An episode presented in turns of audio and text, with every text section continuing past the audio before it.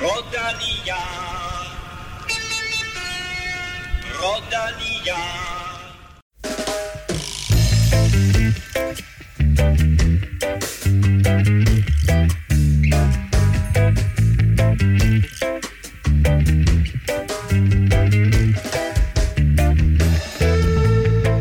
Jakob Fuglsang ligger fortsat med helt fremme i årets Giro d'Italia, hvor italienske Fabio Ganna onsdag lavede, hvad man vel godt kan kalde en moderne Eros Poli. I onsdagens Brabantse Pejl blev det til den ventede duel mellem superstjernerne Julian Alaphilippe og Mathieu van der Poel, og men sanden, om ikke verdensmesteren var tæt på endnu en gang at fejre sin sejr lidt for tidligt. Og med det, velkommen til mine to faste duellanter, Kim Plesner og Stefan Djurhus. Tak. Tak. Kim, øh, der er sådan sket en overraskende udvikling i en gammel Sky-sag. Ja, det må man sige. Eller der er i hvert fald kommet, kommet nogle indrømmelser på bordet for, for den kære Dr. Freeman, som, øh, som nu lader til at kunne huske nogle ting, han ikke kunne huske første gang, han blev afhørt. Så, men det vender vi tilbage med. vi vender tilbage til det lidt senere, og vi vender også tilbage til et dejligt interview, Stefan, for du har talt med Jonas Gregor. Ja, altså han, øh, han får jo sin øh, Grand Tour debut øh, lige nu, og, øh, og han fik jo en lidt, øh, lidt vild start, hvor han, øh, han blev pillet øh, ud øh, af Flesh Vallon på, på startstregen der, og, og måtte øh, tage et fly direkte ind til, til Giron, så, øh, så det, øh, det, det, det, det blev meget spændende. Jeg har hørt interviewet, og det er faktisk en vild historie, så den kan du godt glæde dig til uh, lidt senere. Gregor, der er altså i gang med sin allerførste Grand Tour som hjælper for Jakob Fuglsang. Og Stefan, vi skal lige omkring uh, Tier.dk. Vi har fået flere nye med på vognen. Ja, der er, der er kommet tre nye til siden sidst. Uh, det er Mads Worm, Hans Pårup og Totavi. Totavi? Totavi, ja. Det Nå. er lidt uh, uortodox navn, må man sige. Tror det er dansk? Totavi Jensen. Nej, det minder lidt om det, jeg hed til Spider en gang. Men, uh, Spider? Tusind tak, og øh, velkommen til, ja. uh, til jer tre, og naturligvis også velkommen til alle jer, der har støttet igennem lang tid. Vi uh, taler lidt mere om en præmie senere i programmet. Mit navn er Claus Elming. Du lytter til Velropa Podcast, præsenteret i samarbejde med Zetland og Otse for Danske Spil.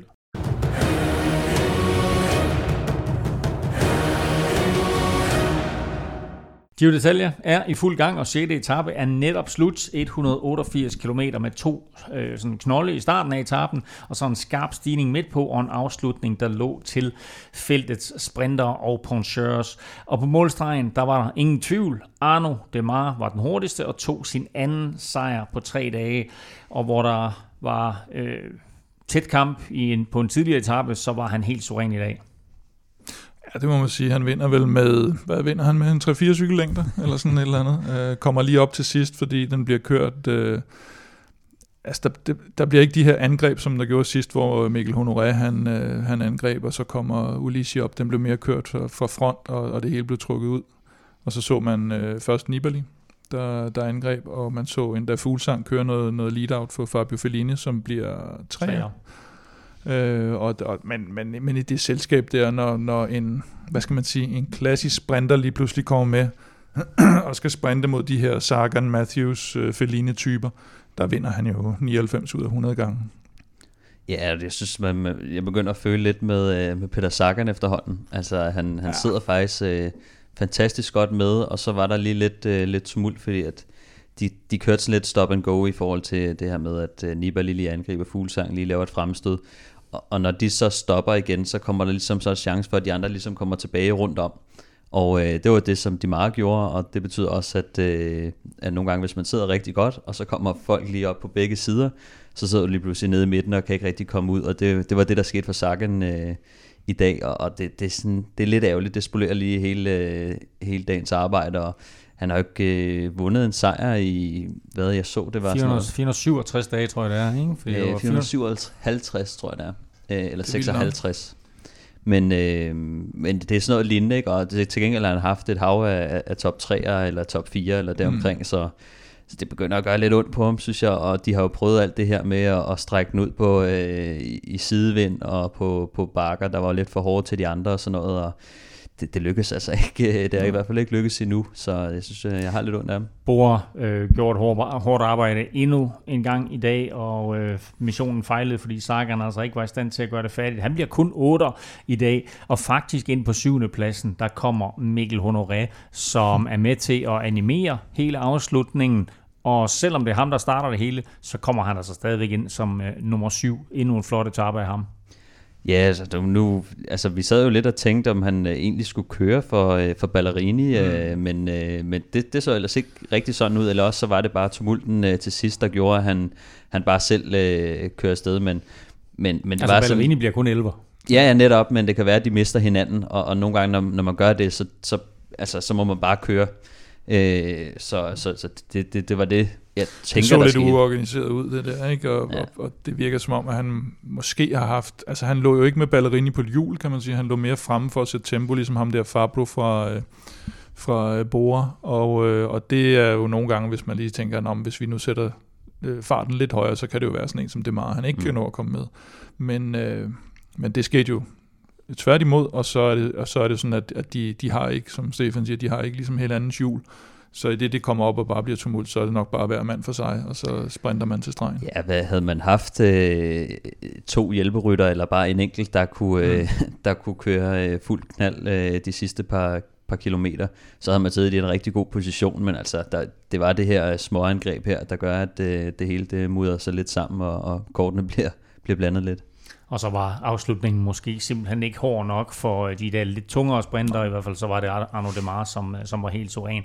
Der var lidt drama tidligere på etappen, som inkluderede den lyserøde føretrøje. En meget lille smule drama kan man sige. Ja, oh, men vi skal var, jo tage jamen, den etape op for dig, ellers så var der ikke ret meget at tale om. Nej, der var, øh, hvad hedder det, øh, øh, den lyserøde føretrøje sidder og, og bakser lidt med radioen, eller med, med nogle holdkammerater, og åbner trøjen, og og, øh, og, og, og sidder og får lidt hjælp til det, og så på et tidspunkt så beslutter de at, at køre ud i siden, hvor der er sådan ud til, til autoværnet der, og, og lige stoppe op og få det fikset. Med, jeg tror, han har to holdkammerater med derude. Og så, så øh, nærmest samtidig, så kommer Gavidia lige bagved, og bum, kører op i ham. Og, øh, og på tids, eller sådan lige først så det faktisk ud, som om han sådan nærmest fløj ud i autoværnet, men, øh, men man kunne se, at han, han jokede bare bagefter med det, og, og sad fint i feltet og blev kørt op med det samme, så, så der var ikke noget, men en, en lille forskrækkelse, og, og, og igen, det er jo også øh, nu med, med det König Quickstep og Ballerini og Mikkel, der kører godt på den anden etape, og så har du Almeida, og du har, altså de har mange interesser lige pludselig, de skal holde i spil, og derfor kan de ikke bare køre det her øh, lead-out, som hvis de havde haft en, øh, mm. hvad ved jeg, Sam Bennett på en lidt fladere etape. Ja, så det er sådan et, et, et ret ungt og, og, og spændende hold, de egentlig de har. Altså det, det er jo sjældent faktisk, at man ser de her, øh, de her unge mandskaber stille start i store løb, og det er jo det, det er der, de får chancen, hvor at, øh, hvor at alle klassikerne kommer her under, under Giroen, så, øh, så skal de store stjerner på, på holdet jo køre der, og så, øh, så kan de unge øh, altså få lov at, at lave lidt af det. Det ser også lovende ud i, i anden række, må man sige. Vi talte jo lidt om det under Tour de France, at det var lidt underligt, at Francis Dejeux ikke havde taget årets hurtigste mand mm. med. Mm. Nu beviser han det altså her i Giro d'Italia, at han er i særklasse i år. To øh, etappesejre på, øh, på, på tre dage. Øh, og det er selvfølgelig også en, en, en prioritering, at de tager ham med til, til øh, Giro d'Italia, men kigger vi lidt tilbage, skulle de så have taget ham med til Tour de France, og, øh, og set sådan lidt, altså det er selvfølgelig øh, spekulationer, jo, sammen, man kunne han ikke, altså han kunne have vundet på, øh, på Champs-Élysées for eksempel. Jo jo, og det er klart, at hvis, hvis man havde forudset uh, Thibaut Pinots uh, fortsatte nedsmeltning, så, så, så skulle man helt klart, men de har, jo, de har jo åbenbart valgt det her med, at de to, de skal ikke rigtig køre på samme tid, fordi man siger, at vi, vi har ligesom et fokus i hvert løb, og, og derfor kører Pinot ikke Giro, og derfor kørte det meget ikke turen. Men klart i bagspejlet, der, der havde det pyntet på, på det hold. Ja, det, altså, men også øh, på den måde, som, som Dimar han kørte op til Tour de France, synes jeg, ja. det var lidt satset i hvert fald, at, at tage kun sats på Thibaut Pinot, og så den helt gamle garde der, altså folk på øh, 35, næsten 40 år, altså havde det et par stykker af på holdet, og, og der må man sige, hvis man har en sprinter, der virkelig er, er godt kørende og kan tage, kan flå sådan øh, to-tre sejre i, i en Tour de France, så, øh, og samtidig også kunne, kunne køre øh, Giroen bagefter, så, øh, så synes jeg, det, det var sådan lidt øh, Altså, der er jo faktisk tosset. et par rytter med her i Giroen, som også var med i, i turen, så det kan jo godt lade sig gøre. Jamen, det kan godt lade sig gøre. Så er en af dem. Specielt, specielt når mange af dem er, er lidt på samme vogn, ikke? Altså, ja. det, det er mere det der med, at at hvis der er nogen, der, der satser virkelig meget på det ene, altså, men, men mange af de her har alligevel kørt uh, Tour de France, eller i hvert fald en del af dem, ikke? Så, uh, så det er lidt tosset, og nu tager han altså sin, sin 10. sejr i, i år, hvis man, hvis man ja, bare 12, tæller... 12, det tror jeg faktisk, det er. Ja, nu, ja, jeg har lige talt ja. dem op, men uh, jeg tæller heller ikke Nej, så godt. Jeg, jo, jeg hørte, så. det var, det var 12 i dag, det tror jeg. Øhm, men ellers så, så lagde jeg mærke til noget sådan forholdsvis tidligt i, øh, på etappen, og det var, at Astana satte sig frem ret tidligt og kontrollerede feltet. Øh, har de sådan taget favoritværdigheden på sig allerede? Jeg synes, den svinger lidt mellem, mellem dem og Sunweb og Trek øh, i perioder, og, og det er klart, at, at man må næsten formode, at Astana måske ikke gør det lige så meget som de to andre, af den grund, at de har, har mistet et par rytter. Øh, men, men det er helt klart, det er de tre hold, tror jeg, der skal, der skal forsøge at mest af alt holde deres kaptajner ude af problemer. Det er jo typisk derfor, de gør det. Det har ikke været fuldt prøvet en lille smule, og der var sådan noget med, læste jeg på TV2, at, øh, eller var det BT, der havde hvor han skriver et eller andet i, at, øh, at, at han havde været lidt utilfreds med ham der, Oscar Rodriguez, som han havde forsøgt at, at få til at sætte noget tempo på. Øh, og det var ikke helt gået, gået efter planen på, på Etna. Øh, så så det, det, det skal vi nok vente til, til de lidt hårde bjergetapper på at se.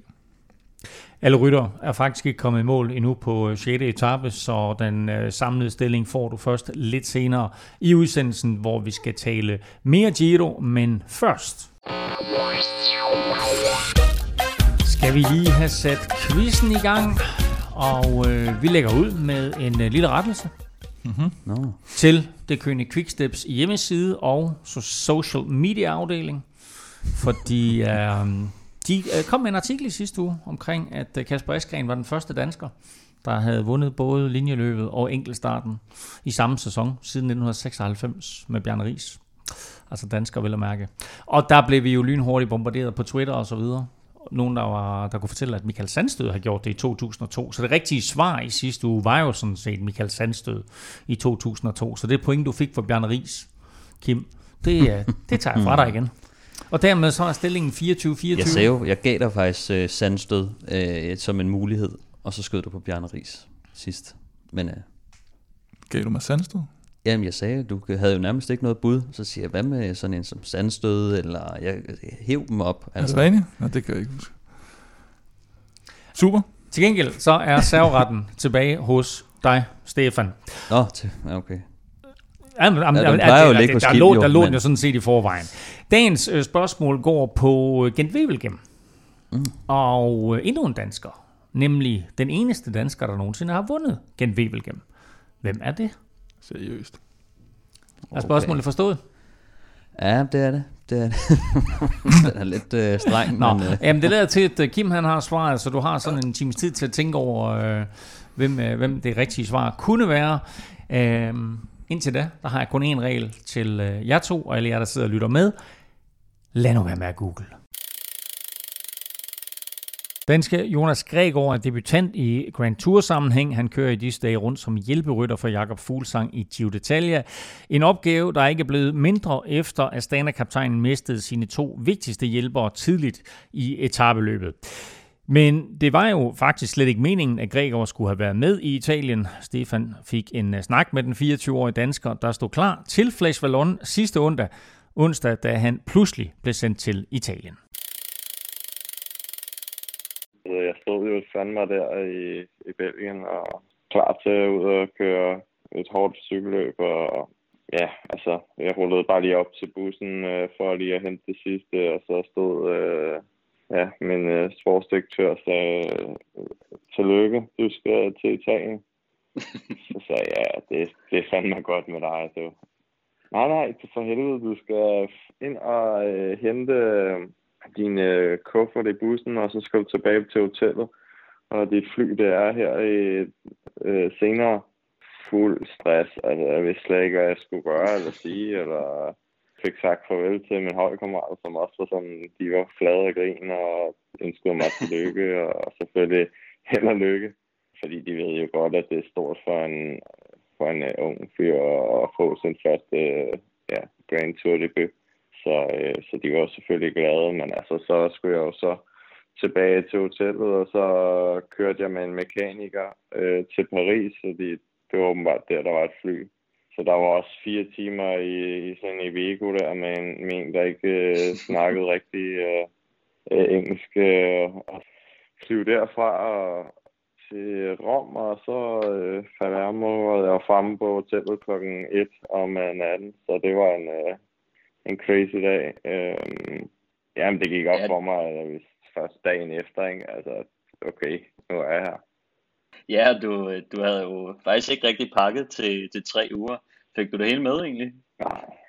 Øh, ja, altså, jeg har sådan stort set alt med. Altså, regner med til næste enkelt start, og i hvert fald han enkelt først straks, øh, jeg kørte prologen i en speedsuit. Altså, det minder meget om en anden, men alligevel ikke optimalt, så jeg kørte heller ikke på min egen cykel. Det var en, de havde samlet, øh, så der sad jeg heller ikke super, synes jeg selv. Øh, altså, den var målt op, men der er jo altid lige nogle, nogle for, for, forskel på, på det, ikke? Så det var lidt en, øh, ja, en øh, hektisk øh, start, og så starte ud med sådan en prolog, hvor der er kastevind, og du sidder på en cykel, du ikke føler dig helt tilpas på. Det var ikke øh, sådan skide sjovt det var sådan lidt sjovt at se, ikke? fordi at øh, nogle de oplevede nærmest ikke noget, øh, og andre de øh, synes, det var ja. helt vildt. Var det også sådan, I oplevede det? Ja, jeg kan, ja altså Jakob havde jo så åbenbart ingen vind lige pludselig. Han havde kørt øh, 94 øh, til træning på samme dag øh, tidligere på nedkørslen der. Og i løbet kørte han 74, så vinden tog fuldstændig af. Øh, det havde den så ikke øh, gjort med mig. Der var jeg ved at flyve af cyklen øh, tre gange, og en barriere, der kom flyvende lige pludselig også. Så øh, jeg vil sige, jeg synes ikke, det var sådan super sjovt, at, øh, at det der skete. Jeg tror, jeg sad i op i, i håndtagene der i næsten øh, indtil vi kom ned på det flade, og, og, og man kunne sidde i lidt modvind og køre i, i bøjlen du er blevet sådan lidt, øh, kan man godt sige, kastet ind i, i Giroen her. Hvad, øh, hvordan er benene, og hvad, hvad, hvad skal din rolle være her i, i de her tre uger? Jamen altså, mine ben, øh, formen er der jo, øh, jeg vil sige, de første dage øh, følger mig lidt blokeret, fordi jeg jo ikke haft optimal forberedelse siden VM. Altså, der kunne jeg godt have forberedt mig anderledes for at være sådan klar fra start, ikke? Øh, så jeg skal lige bruge, øh, eller jeg har brugt et par dage på lige at sådan få åbnet op øh, for musklerne og, og sådan have hul igennem 100%. Ikke at jeg ikke har haft det, men altså, det er stadig bare lige den der sidste øh, del, øh, jeg følte, at jeg lige skulle have, have justeret. Men altså, øh, jeg vil sige, at øh, dag for dag får jeg bare bedre og bedre ben, og jeg kan sidde med meget bedre og, og arbejde endnu hårdere, når vi kommer ind i den sidste halvanden uge, så jeg begynder det at spille, og jeg glæder mig til at se, hvordan det er i den sidste uge. Øhm. Ja, og, og du kører jo på hold med, med Jakob Fuglsang selvfølgelig, som, som jo ligner favoritten lige nu, og, og specielt efter Simon Yates ja. øh, har været i problemer, og Geraint Thomas øh, er udgået. Hvordan er stemningen sådan på holdet efter en, en sådan okay start for jer? Ja, altså okay start PT jo, men øh, det var jo lige de første dage, var det måske ikke sådan super fedt, øh, at vi mistede to øh, af de bedste øh, bjergryttere på holdet. Til, det, var, øh, det var et ret stort tab, øh, men vi må finde ud af det på, på den måde, vi nu kan. Og også der tilbage, vi ved jo 100% hvad vi skal, og er, gå ind, og er topmotiveret for at hjælpe ham, så det skal sgu nok gå. Øh, vi må bare være mere kloge og prøve at lade nogle af de andre arbejde lidt mere. Ja, det, det var også lidt det, jeg tænkte på, fordi selvfølgelig øh, Jakob Fuglsang er kommet godt fra start, men øh, det gjorde øh, Superman Lopez og, og, og Vlasov øh, knap så meget. Hvordan, øh, hvordan ændrer det sådan jeres øh, taktik i, i forhold til, har I snakket om det endnu? Ja, jeg vil sige, at øh, jeg er jo så råd over i at skulle sådan sidde lidt mere med på stigningerne, men stadig så skal jeg også øh, ligge og køre øh, ham frem til stigningerne, altså noget, som man får måske lige to opgaver i en, og det, det skal man lige kunne uh, magte for, at, uh, at det spiller 100 procent. Uh, der må man bare gå all in, og så når man er færdig med sit arbejde, så er det virkelig vigtigt, at, at vi øhm, ruller i mål og slapper helt af, fordi at øh, altså, jeg skal virkelig spares på kræfterne, det siger sportsdirektøren også, at altså, de siger øh, hver dag i radioen, hvis at, når, man har været, når man er færdig med det, man har gjort, så skal du bare rulle. Altså, så bare slå ud. Så det er lidt anderledes. Det har jeg, jeg har ikke slet ikke prøvet det her før, og det hele er jo nyt, og, men super fedt på samme tidspunkt. Jeg tænkte på øh, sådan noget som, øh, at, at Jakob sidder rigtig godt med i, i klassementet, og muligvis skal tage øh, føretrøjen sådan allerede på, på søndag, hvis det går godt. Er det noget, I tænker om sådan i forhold til, at øh, I måske ikke helt har holdet til at, at køre den hjem øh, sådan tidligt i løbet, eller altså er det et reelt problem for jer, det der med at få trøjen, eller har I slet ikke tænkt på det? Altså, vi har snakket lidt om det, at det er nok ikke det bedste, og vi prøver også at vente, men altså, du kan jo heller ikke vente, jo, fordi så kan du risikere, at løbet er kørt lige pludselig. Så det er jo en hård, fin balance, ikke? Altså, hvis han sidder med stjerneben øh, på en hård etape, så skal han jo ikke sidde og tænke over, ej, måske skal jeg lige lade være med at træde nu, fordi at jeg får føretrøjen så. Øh, der tror jeg sgu, er bedre bare komme ud over stepperne og få så meget tid, hvis han har dagen. Øh, og så skal vi andre sgu nok bare tage os lidt sammen og tage en ekstra koffein øh, gel eller et andet. på søndag, det, der kommer der en, en rimelig hård etape og bliver nok den, den store test for, for, for især dig og, og Jakob. Øh, det er jo etappen øh, på 207 km, hvor I, øh, I skal over, over 4.000 højdemeter. Tror du, tror du Jakob ja. han er i lyserødt efter søndag? Altså jeg vil sige, sådan som jeg synes det ser ud, så, så ligner han den, den stærkeste. Også bare sådan, når vi, vi ligger og kører stigninger og i feltet og sådan noget, der ser han altså, rigtig stærk ud. Så det kan da godt være. Øhm, nu må vi se. Hvis han har en god dag, så nok øh, angribe, tænker jeg. Vild historie med, øh, hvordan han kom fra, fra Flash, eller blev flået ud af Flash og sendt til Italien. Øh, han virker som en ung rytter med arbejdshandskerne på, og så faktisk også en tro på, at uh, Fuglsang kan vinde. Ja, og det, det er der en god grund til med den, øh, på den måde Fuglsang han har kørt øh, på det sidste, og hvordan øh, landet ligger, altså med, med at det ikke er de alle stjernerne, der er til start her, og, og vi der har uh, Simon Yates øh, har ramt ved siden af, og Geraint Thomas øh, er udgået osv., så, videre, så så landskabet er, er, ligger rimelig åbent for, for Jakob og, og det giver selvfølgelig blod på tanden for, øh, for sådan en som Jonas, der også øh, har drømt om at være med i, i, en, i en Grand Tour, og, øh, og det er også det, han er, han er god til som ryttertype, så, øh, så det bliver også lidt spændende at se, øh, hvor godt han kan gøre sig, øh, specielt lidt senere ind i, i cykelløbet. Hvordan forbereder man sig som ung rytter på sin første Grand Tour, og det her med at køre tre uger? Fordi lige nu, der lyder det som om på dit interview, at han sådan er nødt til undervejs at finde ud af, hvordan han økonomiserer med kræfterne, fordi han har så forskellige arbejdsopgaver. Ja, altså, man vil jo gerne træne lidt mere specifikt op mod det cykelløb, som man skal præstere i. Øh, og i mellemtiden, så kommer man jo til at køre nogle cykelløb, som der ikke lige passer til. Hvis man skal køre øh, lange bjergetapper, så er det klart, at man skal køre meget øh, threshold, som jo er den der 90% zone, ikke? Og, og skal man køre nogle klassikere med nogle skarpe stigninger, så bliver man nødt til at træne lidt mere på den måde.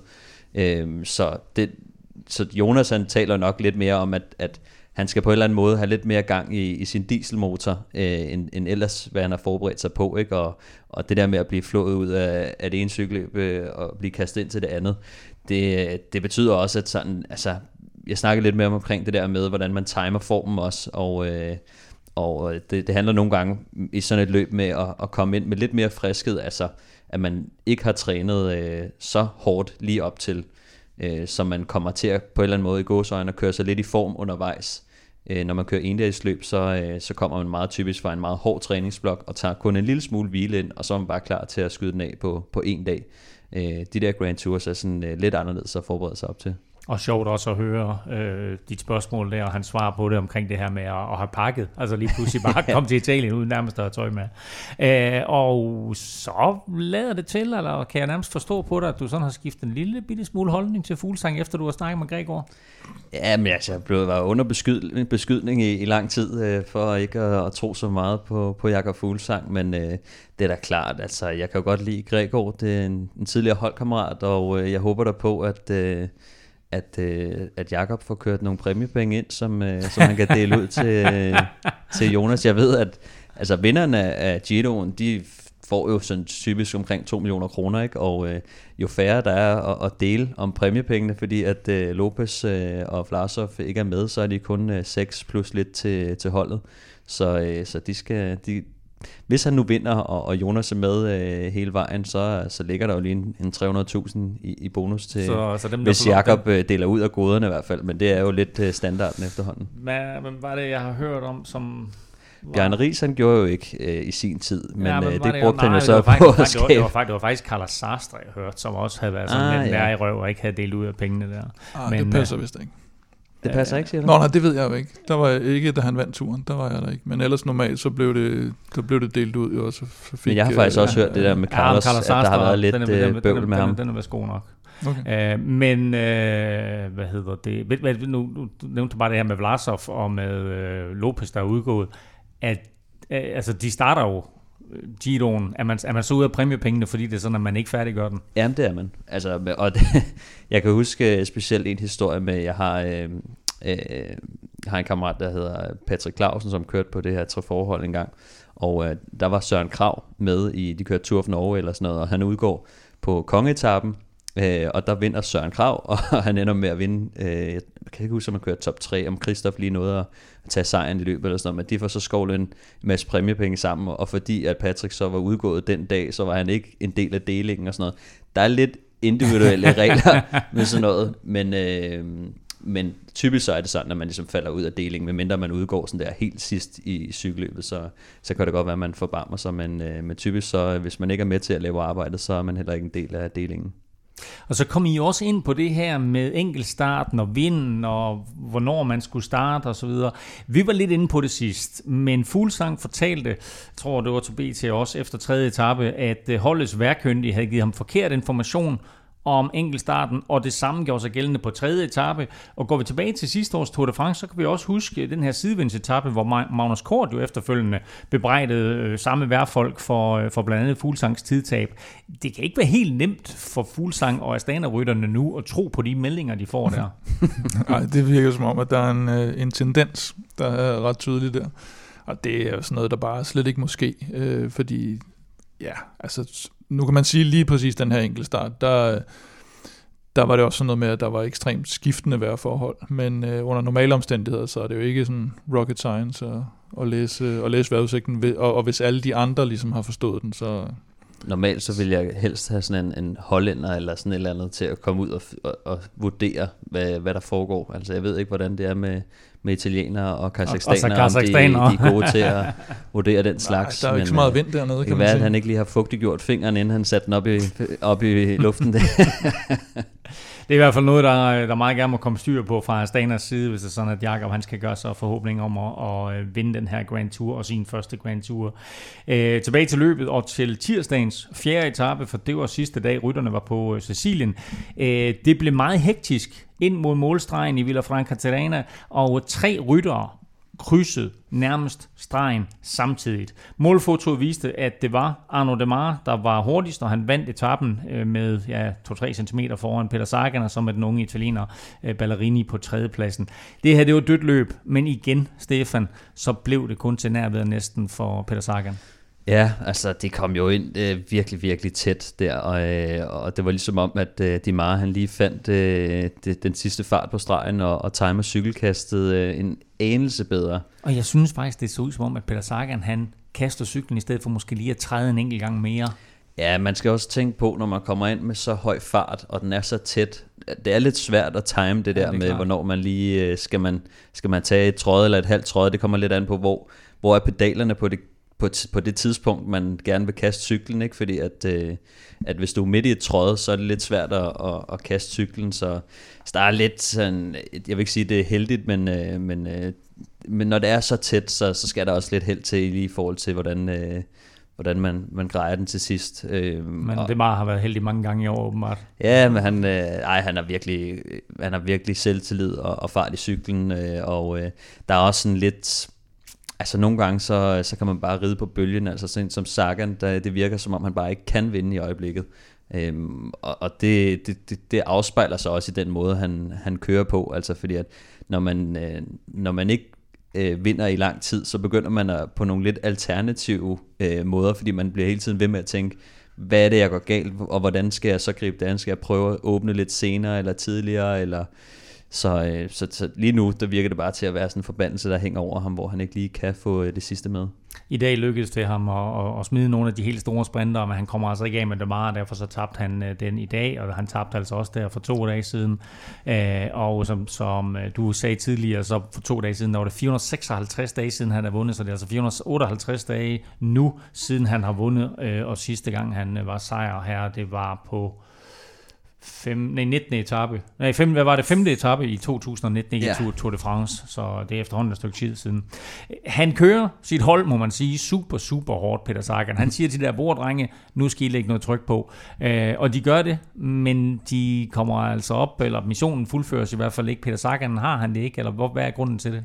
Jamen, det, og det er jo igen det her med, at, at han har ikke farten til at, til at køre fra de allerbedste, og så øh, har han altså et stærkt borerhold, som kan... Øh, kan prøve at hjælpe ham øh, på de her øh, måder, hvor at de, de ryster træet og, og på, på stigninger i sidevind, og hvor de ellers øh, kan gøre det. Og, øh, men altså, det, øh, de, de får jo smidt mange af de her, de, de aller tungeste sprinter, øh, Gaviria, Viviani, øh, Hodek, øh, de er jo blevet sat, øh, og, og og stadig kan han ikke øh, tage den, så, øh, så det kan også godt være, at, at inden længe, at øh, Bora skal til at, at sadle lidt om. Jeg ved godt, Sagan han er deres store stjerne og så videre, men, øh, men vi har jo altså set øh, Bora-holdet vinde på andre måder end det her, øh, og, og jeg tror altså, det kan godt være, at det giver ham chancen hele, hele Giroen, fordi at Sagan han er den store stjerne, og Giroen har, har betalt mange penge for ham, men... Øh, men det kunne også godt være, at de skulle til at, at abandon mission øh, snart, hvis, øh, hvis de skal have, have lidt med hjem.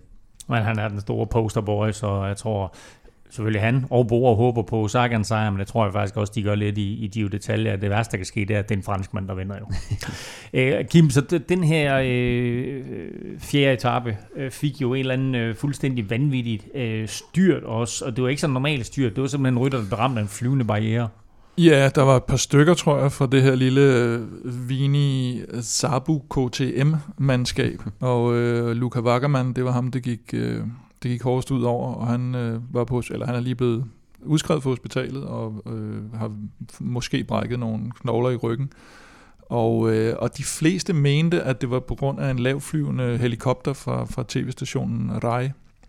Øh, men det, det mente RAI ikke. Og øh, det tror jeg heller ikke, at, øh, at RCS, der arrangerer Giro d'Italia, rigtig mente. Og øh, rytterorganisationen, øh, der er ledet af den øh, gamle italienske rytter Gianni Bugno, øh, vil heller ikke lige udtale sig så meget om det, men sige, at nu var der i gang sat en undersøgelse af det.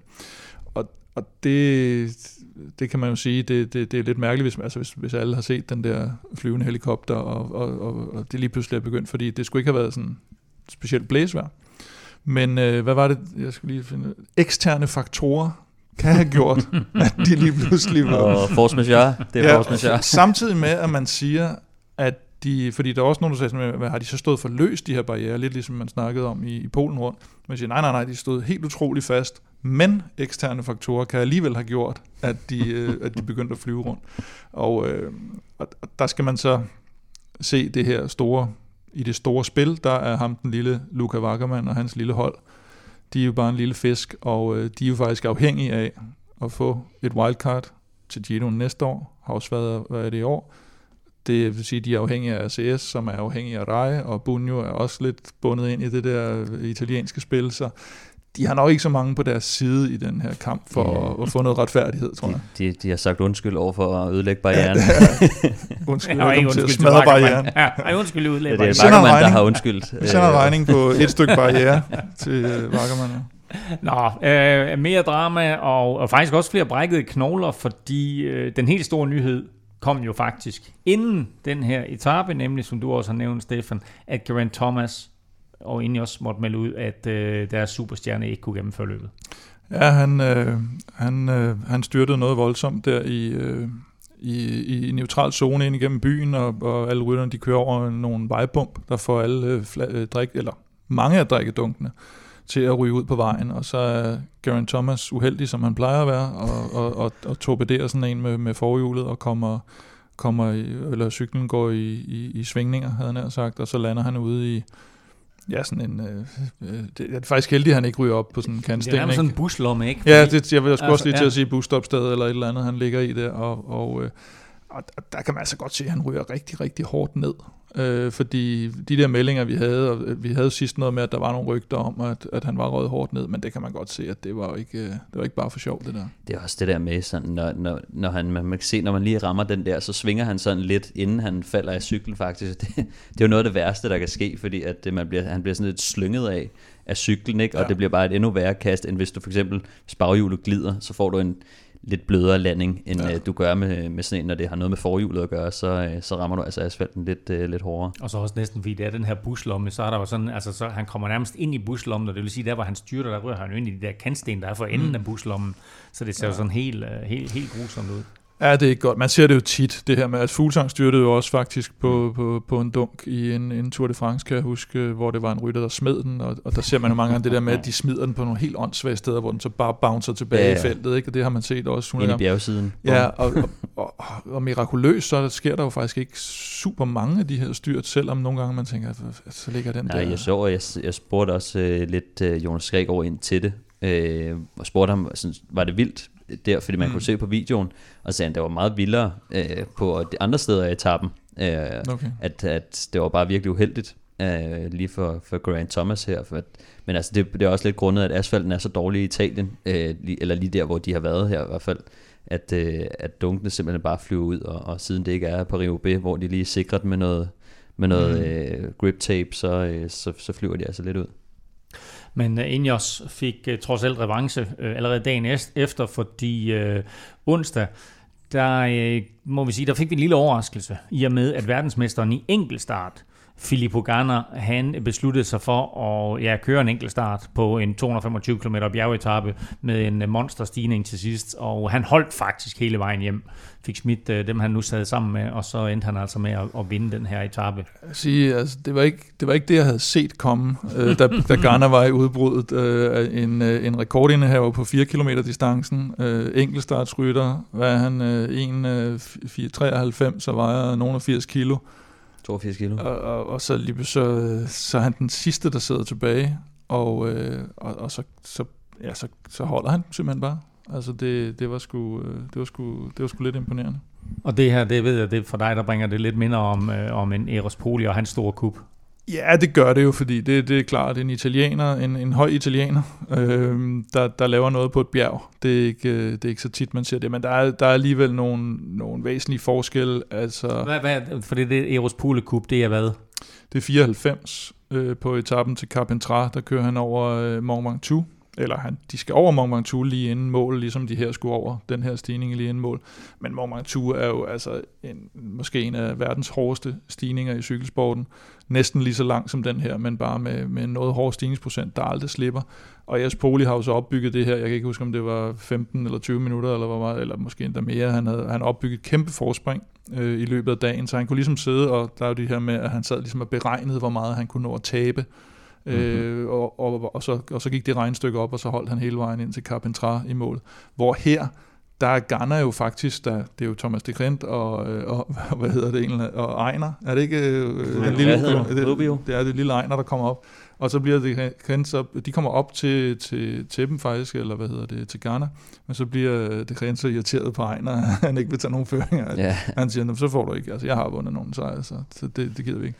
Nå, men, øh, men Garner, han er jo kun et, et lille minut foran de jagtende felt med alle favoritterne, da vi mangler de sidste, det, det sidste stykke op mod toppen, og det er Trek, der sidder og fører på et tidspunkt.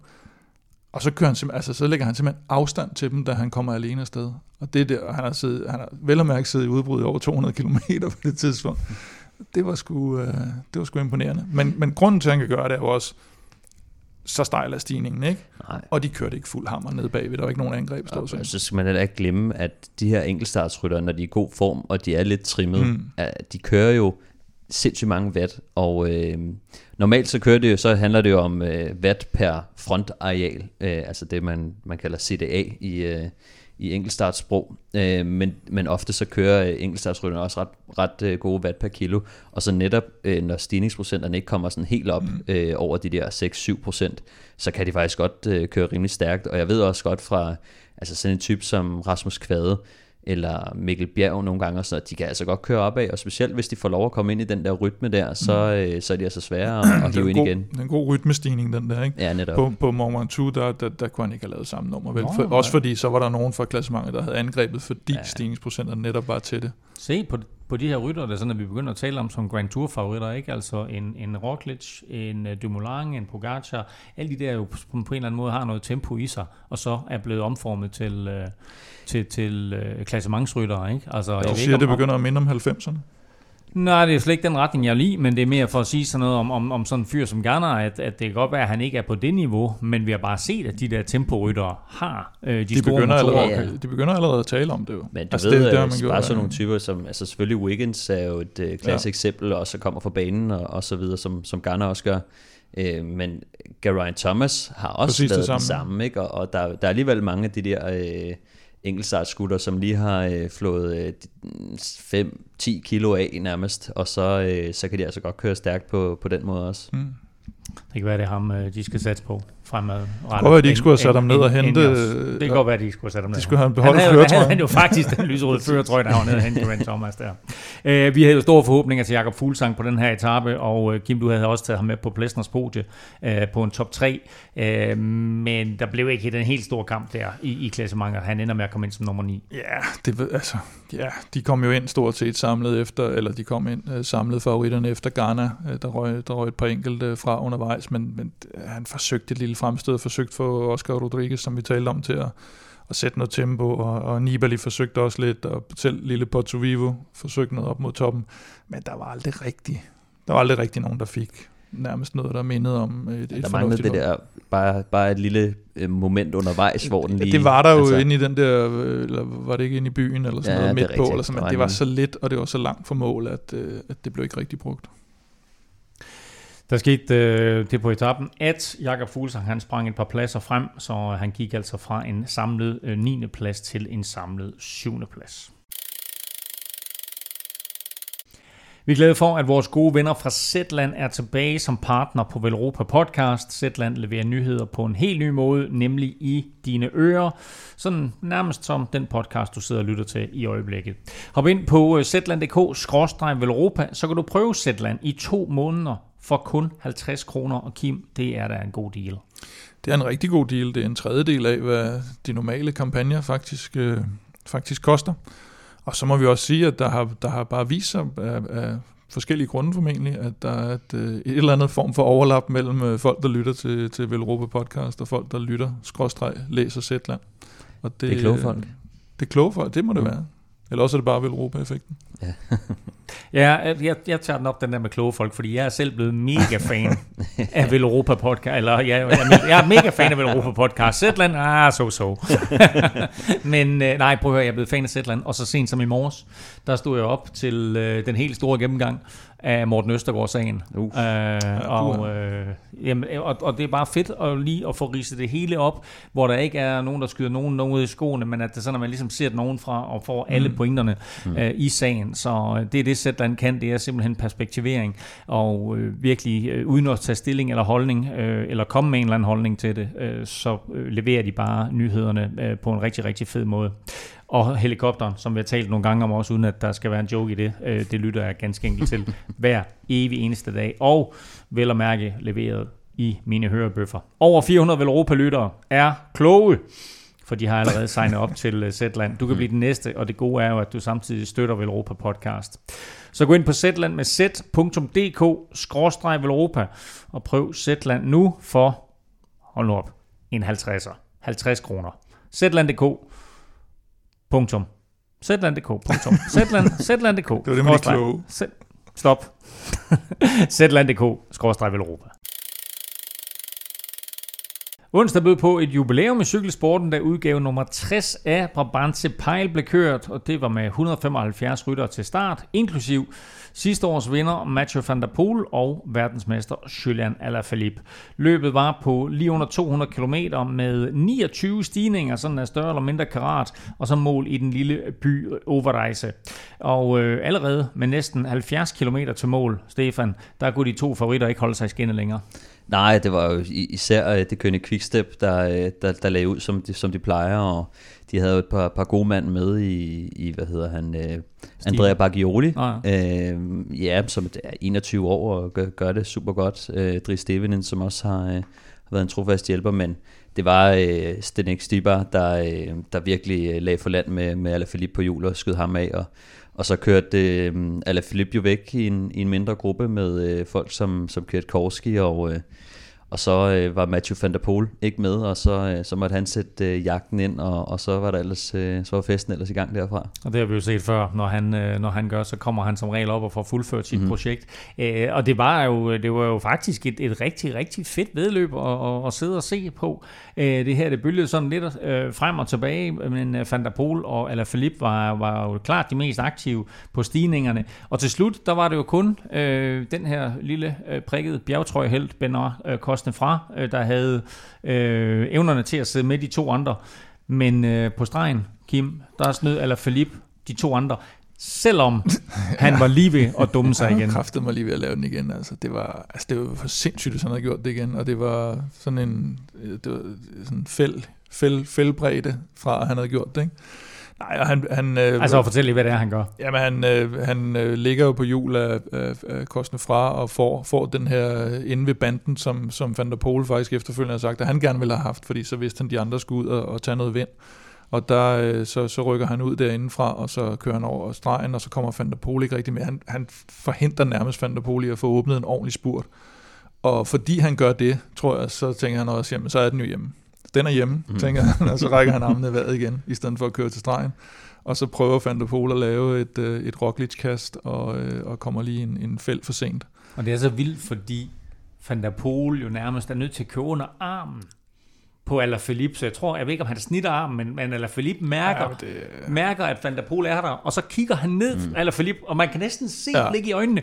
Nej, gjorde jeg det igen nu? Ja, han havde, lige, han havde lige været ude at sige, at det her, det gør jeg selvfølgelig ikke igen. Efter, det, efter det er vanvittigt, ikke? Altså, at øh, med Van der Pol bag sig, der vil jeg aldrig ture. Altså, der vil jeg gøre det efter stregen, ikke? Nej, når man har set Amstel, så... Ja, ja men, så, så øh, men, men det virker også nærmest som om, at han vil lave den der fejring, hvor han sådan udstrækker sig helt ud. Altså, ja. for, det var det også det, han gjorde i... Øh, ja, ja.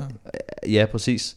Så det virker som om, at han har en eller anden idé om, nu skal han lave en flot poster. Øh, altså, ja, det, det virker jamen, ikke engang løgn. Det er faktisk sådan ja. lignende, ikke? Altså, jeg synes da ikke, at man har set ham fejre sine sejre på den måde der. Nej, to gange i træk, ja. så strækker han armene op mod himlen, og så kan man se de der fine regnbuestriber der, men han blev snydt i læs, og han er virkelig tæt på at dumme altså, sig her igen. Han er selvfølgelig vant til mange gange at komme lidt af, nej, det er han så heller ikke, fordi der i, i turen, der kommer han jo også med Hirschi der, det er jo også tæt på, ikke? Så, men jeg har så, gjort det et par gange i hvert fald. Hvor Nå, men, men det altså, som jeg lige husker ham, så er det mere den der ene hånd på styret, og så den anden, han sådan svinger Ja, det når han kommer, ja, det, når han kommer alene til mål, ikke? Så, så kan han ligesom, øh, så, så får han lige med Jeg tror, når der. han i de der masse spurter der, så skal han bare koncentrere sig om at det køre det, det bliver aldrig så fedt, når de kører alene til stregen, fordi så, øh, så er man så træt, når man har tænkt, man har overtænkt situationen, så bliver det sådan lidt en, en la-la-ting. Var det ikke Julius Johansen, der lavede, øh, hvad hedder den? Øh?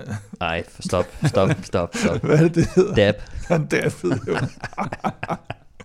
Apropos øh, danskere, så havde vi faktisk flere af dem med til start. Valgren var heldigvis OK efter sit øh, styrt i Liège, øh, og øh, kom, var, gjorde lyn comeback her, øh, i, øh, eller ikke i, i Liège, i, i Flesh Vallon, og gjorde lyn comeback her. Alexander Kamp var med for track, og... Øh, det danske øh, pro-team var også til start øh, rival med øh, både Emil Vindebo og Andreas Kron, men Stefan, det var faktisk en helt anden dansker, der gjorde sig mest bemærket. Ja, altså ham her, Mathias Skjelmose, som, uh, som er, er, er en ung gut, der har fået en, en stagiaire-kontrakt på, uh, på trackholdet.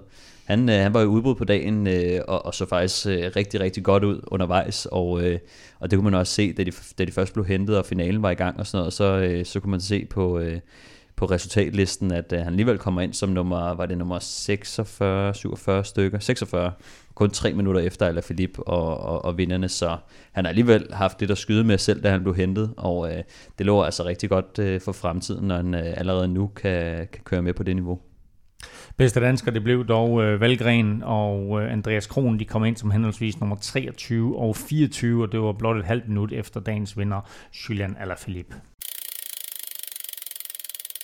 Tusind tak til alle jer, der støtter os på tier.dk og har gjort det gennem en længere periode, og også velkommen til de nye støtter. Og sidder du derude og synes godt om det, du hører, så kan du altså også blive en del af klubben.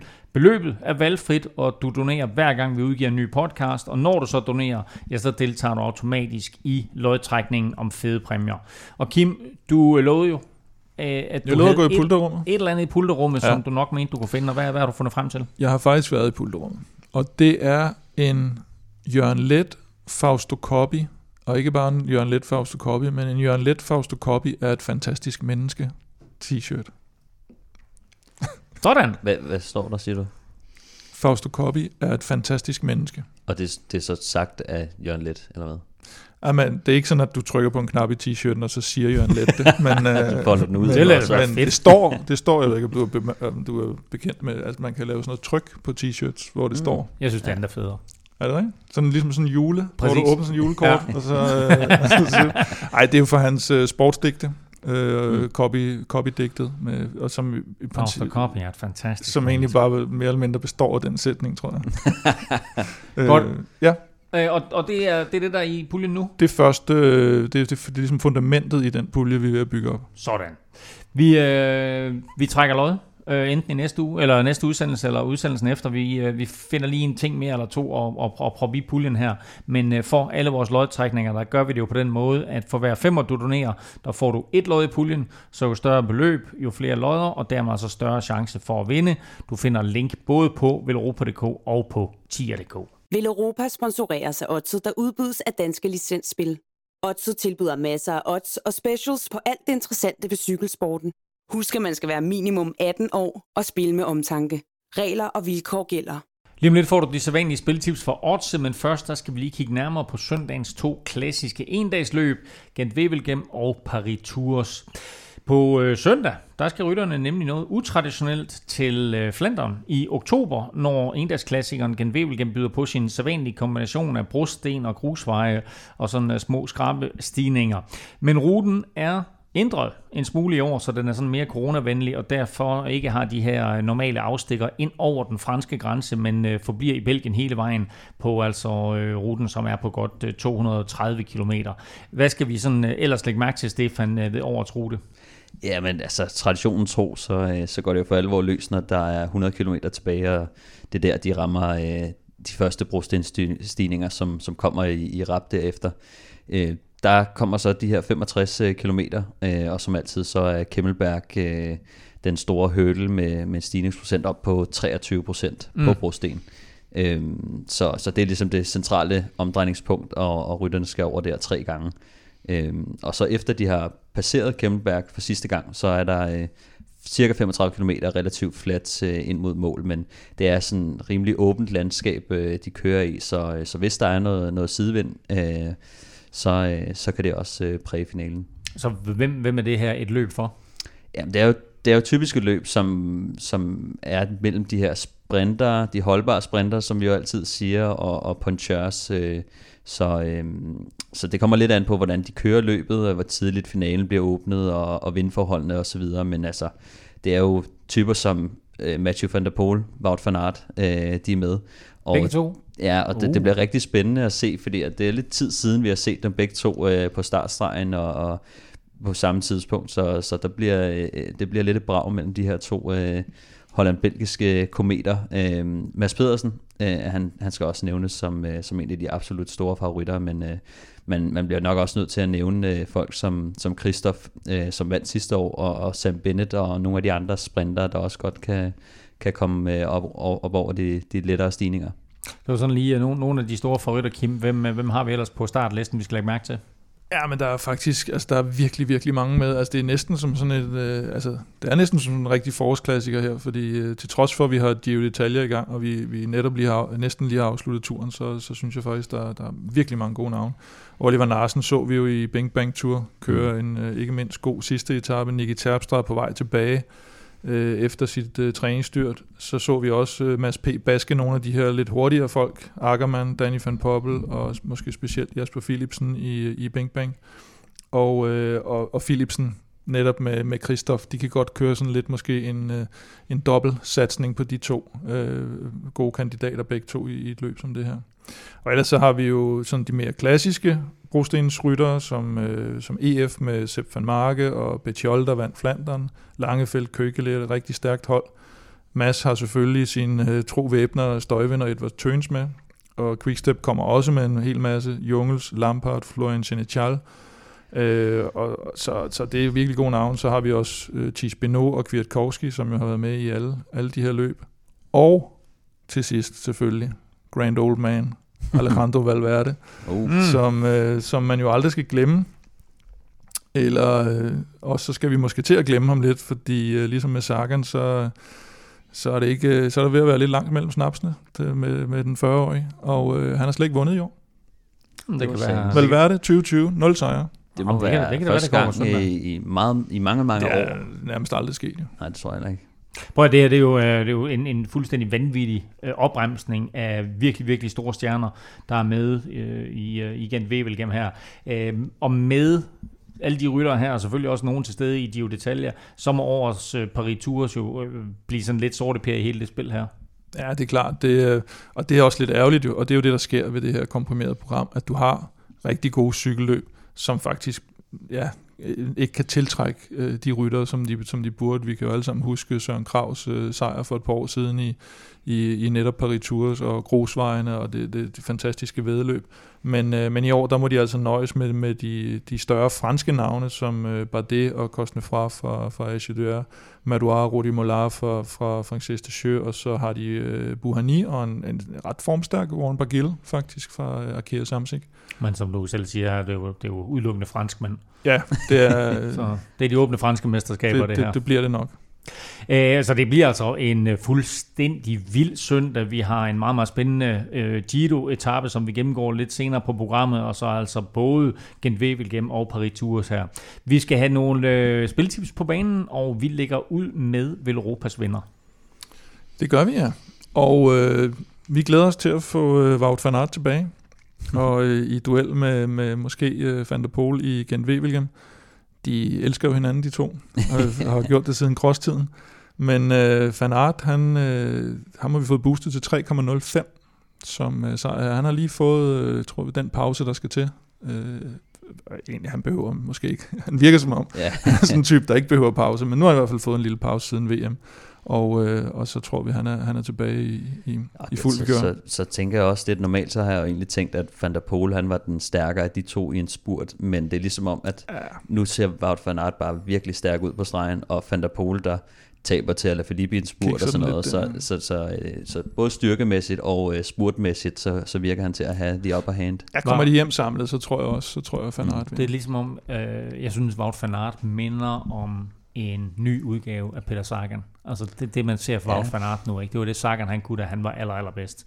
Ja, og, så plusser han jo så, ja, det er lige før jeg synes, han har en højere topfart faktisk på, nej, det er rigtigt, havde Sagan også lidt i starten. Men så har han det her, hvor han ligger og hjælperytter i 7.000 km i Det har Sagan ikke givet. Den har han ikke rigtig lavet så meget i bjergene, Sagan. Der har han været på jagt efter grønne point, ikke? Vi skal have Stefans staldtip på banen. Ja, og, øh, og vi, skal, vi skal have en lidt, lidt sikker satsning. Øh, en sikker satsning? sikker satsning? Ja. Det, er den bombesikker? Det er lige før den er, faktisk. Okay. Men øh, Pello Bilbao i top 10 i Giroen, den giver, øh, den har vi fået boostet til øh, 1,93. Og, I top 10? Øh, i top 10, ja. Det er jo latterligt at give odds på det. Man, man kan se, altså uh, oddset for danske spil, de er jo helt nede i, i decimalerne, og man kan se, de tænker meget over tingene her. Uh, men altså, han ligger nummer to i klassementet, og uh, han, kører godt. Han, uh, hvad blev han nummer 16 i, i turen, ikke? Så, uh, så ja, så, så han, er, han er rimelig godt kørende. øh, ligger to samlet. Han er spansk mester i enkeltstart. Øh, så, så, og der er jo to lange enkeltstarter tilbage og gør det godt, øh, ja. så jeg kan slet ikke se, hvordan at, øh, han ikke skulle ende i, i top 10. Øh, så, øh, så det, er, det er gratis penge. Og, øh, Bum, bum. Det, en, det eneste, det næsten, kræver, det er, at han holder sig på cyklen 7 9 13. Ja, det, det er det, vi er ude efter. Enig. Vi, øh, vi slutter af, traditionen tro, med Plæstners podie. Ja, og der er som sædvanligt er jo mere den her festlige og farverige, danskervenlige type. Så, øh, så der er det jo øh, der er det Mads P. Sådan. En podieplads i øh, Gent Wevelgem.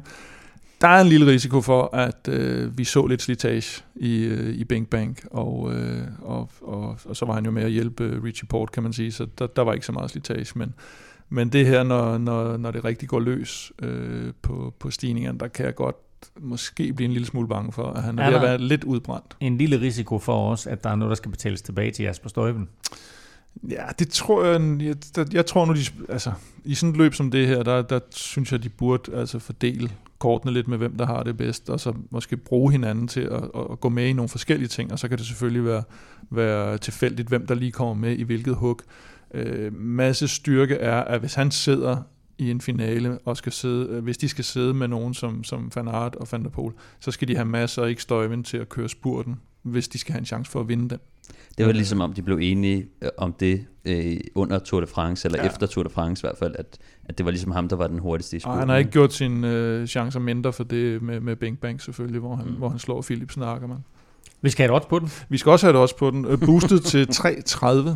Og det var bare for at komme på podiet? Det er bare podiet, men wow. altså, Ja, jeg vil sige, øh, den, er ikke, den er ikke i nærheden af at være lige så sikker som, øh, som Pelle. Som, som Pelle, selvfølgelig. Nå, der har du altså dagens spiltip. Det er vel Europas vinder. Øh, Wout van Aert vinder Gent Wevelgem til bu- øh, boostet til odds 305. Pelle Bilbao i top 10 er øh, Stefans staldtip, og det er altså Giroen, vi taler om her, boostet til odds 1,93. Og så er altså Plesners podie, øh, lidt danskerdong, Mads Pedersen på podiet igen, Wevelgem boostet til odds 3,30. Du finder alle de her odds inde under øh, danske spil Øh, hvor vi altså har sådan en øh, Villeuropa special fan under, øh, under, Tour de, eller under cykling. Det var dagens spiltip bragt i samarbejde med Otze fra Danske Spil. Nu kigger vi lidt nærmere på de tre næste etapper i Giro d'Italia, men først lige et hurtigt kig på stillingen her inden weekenden. Løbet føres fortsat af Joao Almeida. Han er nummer et, og nummer to det er Pelle Bilbao, som vi lige har talt om, og så Vilko Kelderman er nummer tre. Nummer fem det er Vincenzo Nibali, han er lige over et minut efter, og så Jakob Fuglsang er nummer syv, han er 18 sekunder efter Nibali. Krausweig ligger også lige der omkring, og så helt nede som nummer 21, der finder vi Simon Yates. Han er altså øh, næsten 3 minutter efter de øvrige favoritter. Dagens målby i øh, Giro d'Italia er øh, også startby på syvende etape, når rytterne fredag skal ud på en, øh, et øh, kort, men lynhurtigt vedløb fra Matera til Brindisi. Etappen den er på kun 140 km, og der er lagt op til endnu en duel mellem feltets hurtigste. Stefan, er det her er det den nemmeste etape i årets Giro? Ja, det, det tror jeg sådan øh, lige ud over de øh, enkeltstarterne for, for dem, der ikke kører klassement. De, de plejer at rulle på, på enkeltstarterne, men, men ja, det ligner det. Øh, det er både en, en kort og, og helt flad øh, etape, så, så Bora får nok også svært ved at lave den her øh, sædvanlige udskilling, som, øh, som de har været lidt kendt for på det seneste med, øh, uden, øh, uden, uden øh, bakker og sidevind, så, øh, så, så bliver det lidt svært. Så øh, de kommer lige kort vej ud til kysten ved, ved byen Taranto, øh, sådan cirka halvvejs, men øh, det ligner ikke en sidevindetappe, som, som det ser ud lige nu, så, så vi må forvente, at det bliver et, et opgør mellem øh, feltets hurtigste, og øh, der er det jo Demar, Gavidia, Sagan, Viviani øh, og, og Ballerini, Hodek og, og nogle navne som det. Det bliver lidt spændende at se, når, Øh, Gavidia og Viviani og sådan nogle får Præcis. lov til at spurte med. Så, så det kommer de blev, til de blev smidt i dag, og de blev også smidt der for et par dage siden, så ja. nu her, hvor den er lidt mere flad, så kommer de med hjem, og så får vi sådan en, en, mere real, ja, en klassisk masse spurt. Ja, det tror jeg. Lørdagens 8. etape, den er både lidt længere og noget mere kuperet, og øh, den kunne godt ende i en spurt, men det kommer vel sådan helt an på, øh, hvad der sker på etapens eneste bjerg, der sådan ligger lige midtvejs på, øh, på etappen der. Ja, altså de kører faktisk øh, langs østkysten øh, hele dagen, så der kunne godt være lagt lidt op til, til vind, hvis den står rigtigt. Øh, lige nu der kommer den fra den anden side, men man ved jo aldrig. Øh, de første 90 km, de er så flade, og så tager man lige et, et hug ind i landet, og så kommer den her stigning, som du snakker om, på, på 8, øh, ja, små 9 km, og stiger med 6,6 i snit. Og øh, så fortsætter de så øh, tilbage mod øh, målbyen i øh, Vieste, hvor de kører to omgange øh, i byen. Og, og på den her omgang, der er så en, øh, en lille skarp øh, rampe på øh, en kilometer, hvor øh, stigningsprocenten kommer op mod 17 procent. Oh, øh, så, øh, så det kan godt øh, spice finalen lidt op med den her stigning. Jamen, der kommer vel til at blive, altså der, der kommer de tungeste sprinter jo ikke med, altså er vi, er vi der, så, så klassementet kan teste hinanden lidt? Nej, ja, altså jeg tror, der lige er et par kilometer fra, fra stigninger ind til mål. Øh, det bliver så, måske mere ligesom i dag. Altså, ja, men det, det, de det samme tror jeg også. folk måske, men ikke nødvendigvis helt samme afslutning, fordi de skal nedad, men det, er jo meget typisk Giro-etappe sådan en, mm. at de, de, de, de laver den De jo ikke laver bare med sprint til sidst, så laver de lige den der lille, lille knold, så, ja. så, så, så det kan blive både en dreng og en pige. Sagan Matthews, øh, altså jeg kunne godt tænke Dem mig at se. Sagan, ja, Ja. jo, altså så kan man sige, hvor slem er den der stigning, altså det, er, Ja. ja. det er kun en kilometer, øh, men alligevel kommer procenterne lidt op, så det kunne også være et afsæt for, for en, der skulle ud og, og prøve lykken, øh, måske en øh, Mikkel Honoré, for eksempel kunne være spændende på sådan en der, øh, hvem ved, men, øh, men jo, altså det må, vi må forvente, at det er øh, sprinterne og dem, som, som godt kan lige klare den der stigning. Og så kan du ellers godt glæde dig til søndag, for der skal klassementet i hvert fald ud i en direkte duel. Og det kan godt gå hen og blive sådan en, en, en vild etape. Den er på 207 km, og den er med mål på toppen øh, i øh, Roccaraso. Øh, undervejs, der skal rytterne over blandt andet øh, Passo Lanciano og Passo San Leonardo. Og det er sådan et par hæftige stigninger. Ja, Nej. altså, øh, det, Ja, jeg, tror ikke, jeg tror ikke helt på det. du tror ikke helt på det? Jeg tror ikke helt på, at det bliver så, øh, så vild en etape. Jeg tror, at den, den første stigning, er, den, er, den er hård nok, men den ligger for tidligt. Så kommer der to stigninger, som er alt for bløde, altså sådan 4-5 procent i snit. Ja. Og så er det på, på, på den sidste stigning, der måske kan ske noget. Eller det er jo det her med, at det kører op i de her trapper, eller hvad skal man sige, op mod mål, og det, det gør, at der kommer rigtig mange højdemeter, og det er en lang distance. Så det kan virkelig godt tære på nogen. Jeg tror mere, at det er nogen, der bliver smidt ud bagfra. Jeg kunne godt forestille mig, en, måske en anden Simon Yates får problemer igen. Han hang igen Mm. øh, her sidst, øh, og, og, og, og der kan blive lukket nogen ud af, af bagsmækken der. Ikke? Måske også nogle af dem, der ligger, der ligger i top 10.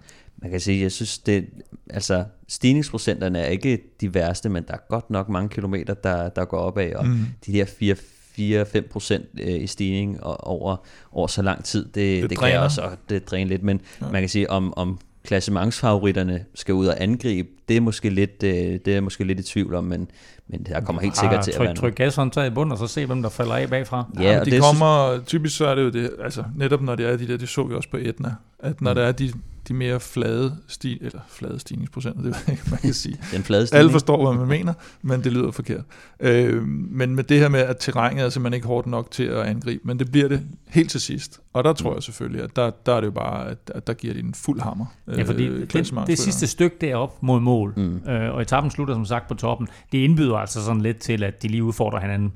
Ja, det kan du ikke undgå. Altså, de sidste to kilometer stiger jo med, øh, hvad er det, 12 procent eller sådan noget. Ja, det er den sidste Øh, øh, ja, men- i snit, og så øh, den, den, jeg tror, næst sidste kilometer er 7,5 i snit, og den sidste er 11,1 i snit, men, Ja, op, ja. Til, men op til 12 procent, så der, der skal sættes angreb ind der.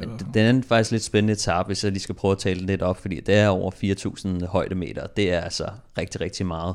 Og, øh, og så er det også sådan en etape, hvor der faktisk ikke er så mange, øh, hvad hedder det, så normalt i Tour de France, på de etapper, så starter man nede Så er det op og ned, ja.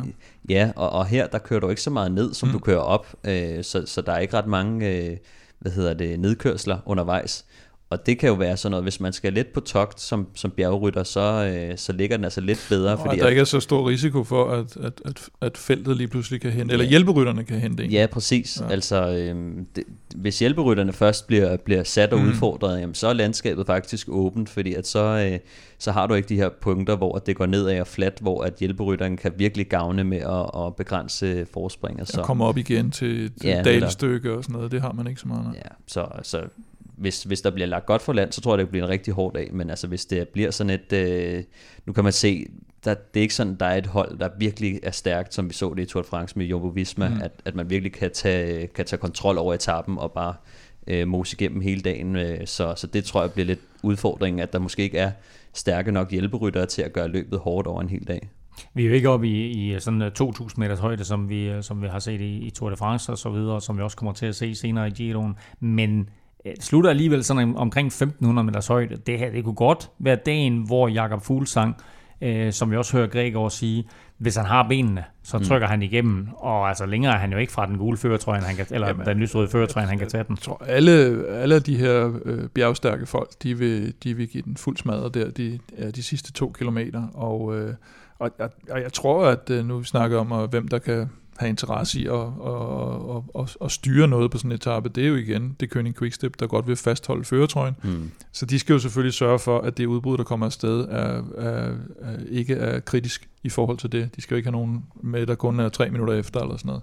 Så hvis de får sådan nogen med, der en 10-20 minutter, så kan de ligge og kontrollere det med de folk, de har med. Præcis, og det kan også godt være, at de skal begynde at, at ofre uh, James Knox og jeg ved ikke, Masnada og sådan. De har jo faktisk et rimelig stærkt hold, men mm. de, kan jo godt, de, de skal måske til at vælge, hvem, skal, hvem skal vi køre for, uh, hvis ikke de bare skal, skal skyde med, jo, så med jeg, det hele. Ja, så tror jeg, at uh, vores ven uh, Joao Almeida, der, han, er, han er god nok til, netop når det kun er de her sidste mm. to kilometer, der er virkelig stejle. På de andre procent, procenter, der kan han godt sidde med. Han blev, uh, var det 10'er i... Uh, og det var i Ruta del Sol. Mm-hmm. Nej, der bliver han, der, der bliver han, øh, der bliver han syv, tror jeg, der. Og, øh, og det vil sige, at og det er altså nogle, nogle hårde drenge. Han, det, ja, er Fuglsang, der vinder, ikke? Øh, og, og der, øh, så, så, han kan godt sidde med, så de, de skal forsvare hans øh, trøje. Og så glæder jeg mig lidt til at se øh, vores ven øh, Ham van Heuke. Ham van Heuke? Den øh, lille belgier, der stak, eller lille og lille er han jo faktisk ikke, men øh, i hvert fald belgier, mm. som stak afsted på, på Etna og øh, det er sådan en, en 23-årig gut, der vandt øh, øh, ungdomslombardiet i, i 2016. Og så bliver han altså 12'er i, i Tour de Line. Ja. Og det var altså sådan noget, det var Roglic, der vandt den, og det var stort set... Det var set. måske et historisk øh, stærkt felt øh, til det løb, ikke?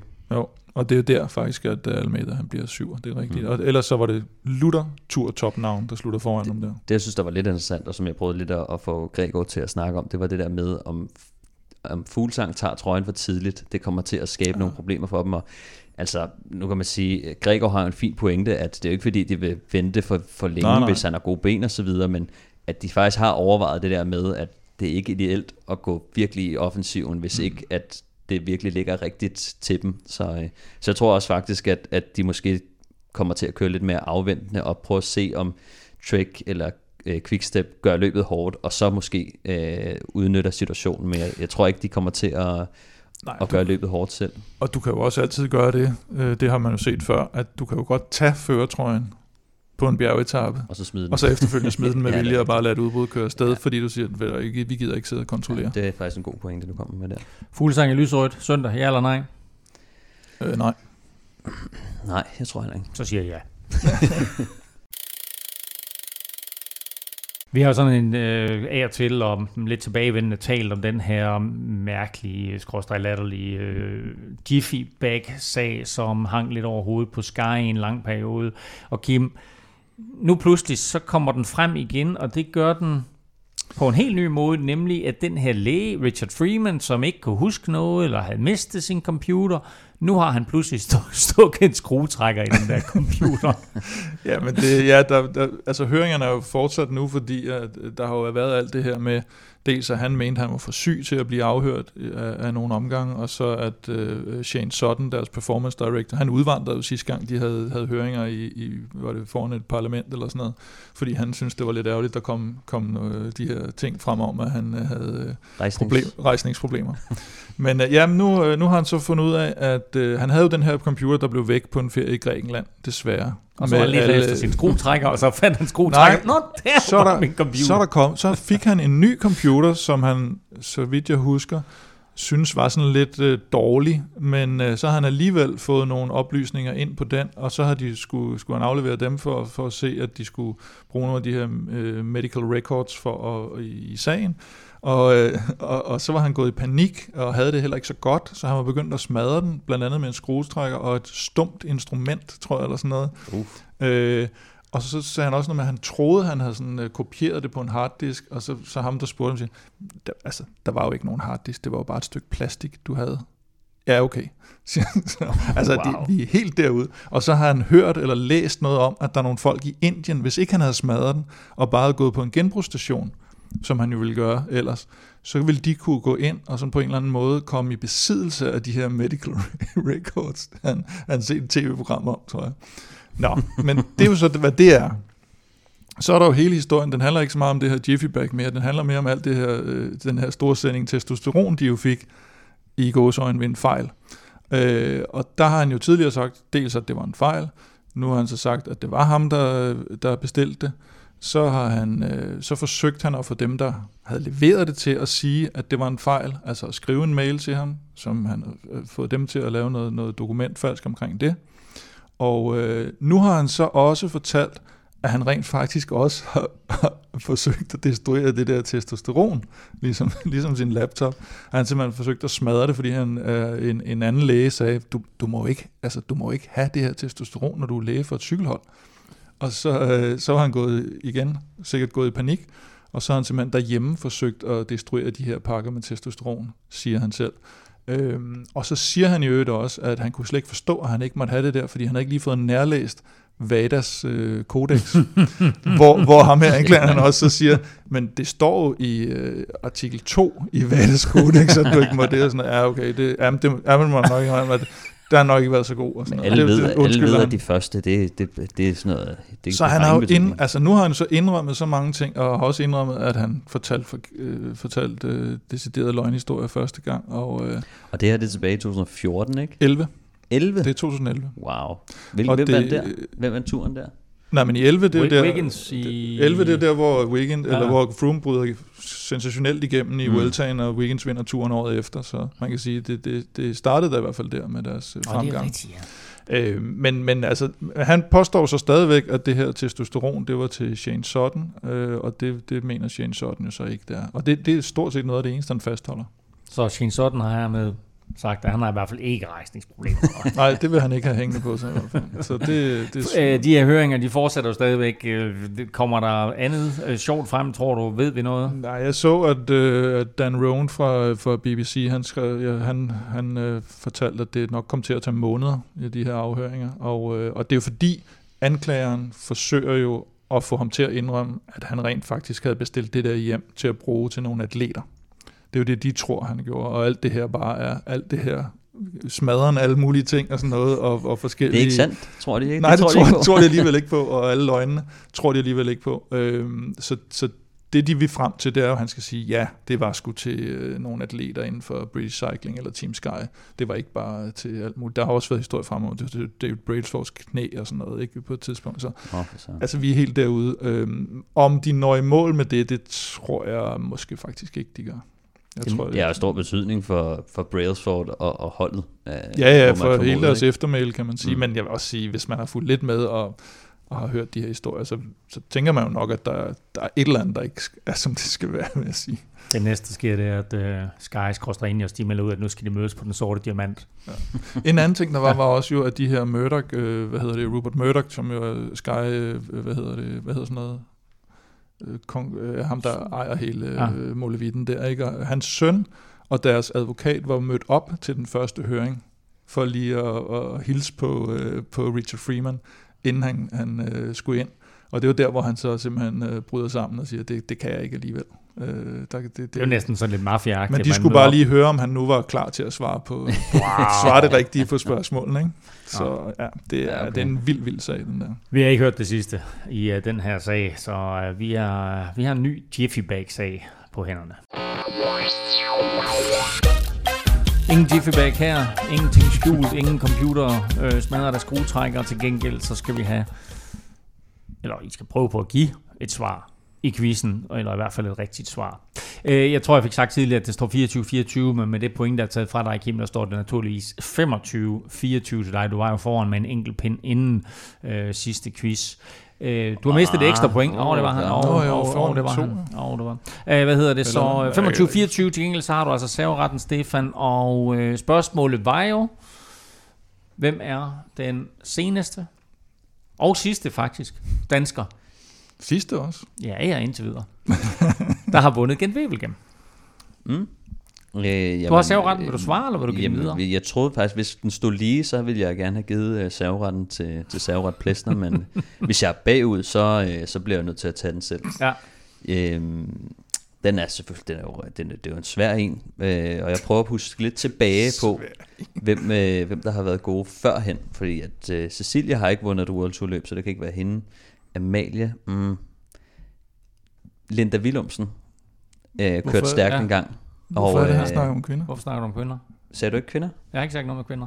Hvad? Jeg har da ikke sagt noget med kvinder. Kører Se- kvinderne gennem Wevelgem? Ja, jeg tror, de har kørt fire gange eller sådan noget. Nå, okay. Sagde du ikke kvinder? Jeg har ikke sagt noget med kvinder. Jeg har sagt, hvem den sidste dansker var, der vandt i uh, genvæg igennem. Ej, Gud, gud, er opgaven gud, forstået? Gud, gud, gud. Så giver du bare mig serveretten. Jamen, så har jeg slet ikke forstået den. Nå, det, det gør det jo meget lettere. Det gør det super nemt. Det gør det meget lettere. Øhm, Der er kun én. jo. ja, det er der jo. Hvorfor sad jeg og tænkte øh, på kvinder? Du tænker Det er altid på kvinder. Ja, det er måske det. øhm, Vi skal til hjem af. Puha. Vi skal have et hurtigt bud. Det, den kan jeg sgu ikke. Nej, Det, øh, så giver du bare mig serveretten. ja, det var Rolf Sørensen.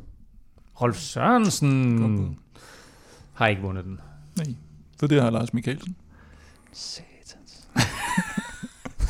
Satans er det rigtige svar her, fordi Kim har nemlig det rigtige svar. Lars Mikkelsen vandt, og nu kan jeg faktisk ikke engang huske året. Øhm, Det kan jeg faktisk heller ikke. men, øh, men det er rigtigt, han er, den, en, han er den eneste dansker, der har vundet øh, Gent. Og dermed så får du faktisk det point, som jeg havde frataget dig, og dermed altså nu en uh, to-pointsføring 26 24. Jeg tror lige, vi skal have optalt øh, den der. Øh, Ja, men det, det tager du da bare af. Jeg tror, jeg har nogenlunde styr på det nu. I 95, kan jeg fortælle jer, Ja. har jeg lige tjekket op på, der, øh, der vandt han foran øh, Mauricio von Driest. Uh. Det er jo, det er jo lang tid før, øh, før jeg øh, var i cykelsporten, så det, det, det er svært. Men Lars Mikkelsen er stadigvæk i cykelsporten, så derfor synes jeg, at spørgsmålet var fair.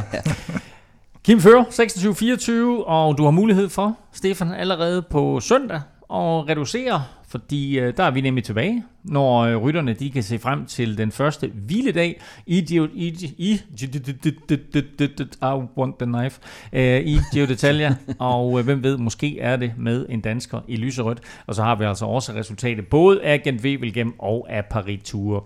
Indtil da kan du følge Kim og Velropa på Twitter. Det sker på Snablag Velropa. Stefan finder du på Snablag Stefan Djurhus, og undertegnet finder du på Twitter, Insta og Facebook på Snablag NF Elming. Tak for nu. Tak fordi du lyttede med. Tak til alle vores støtter på tier.dk, og så tak til vores partner naturligvis, Zetland og Orte for Danske Spil. Støt dem, de støtter os. Andiamo.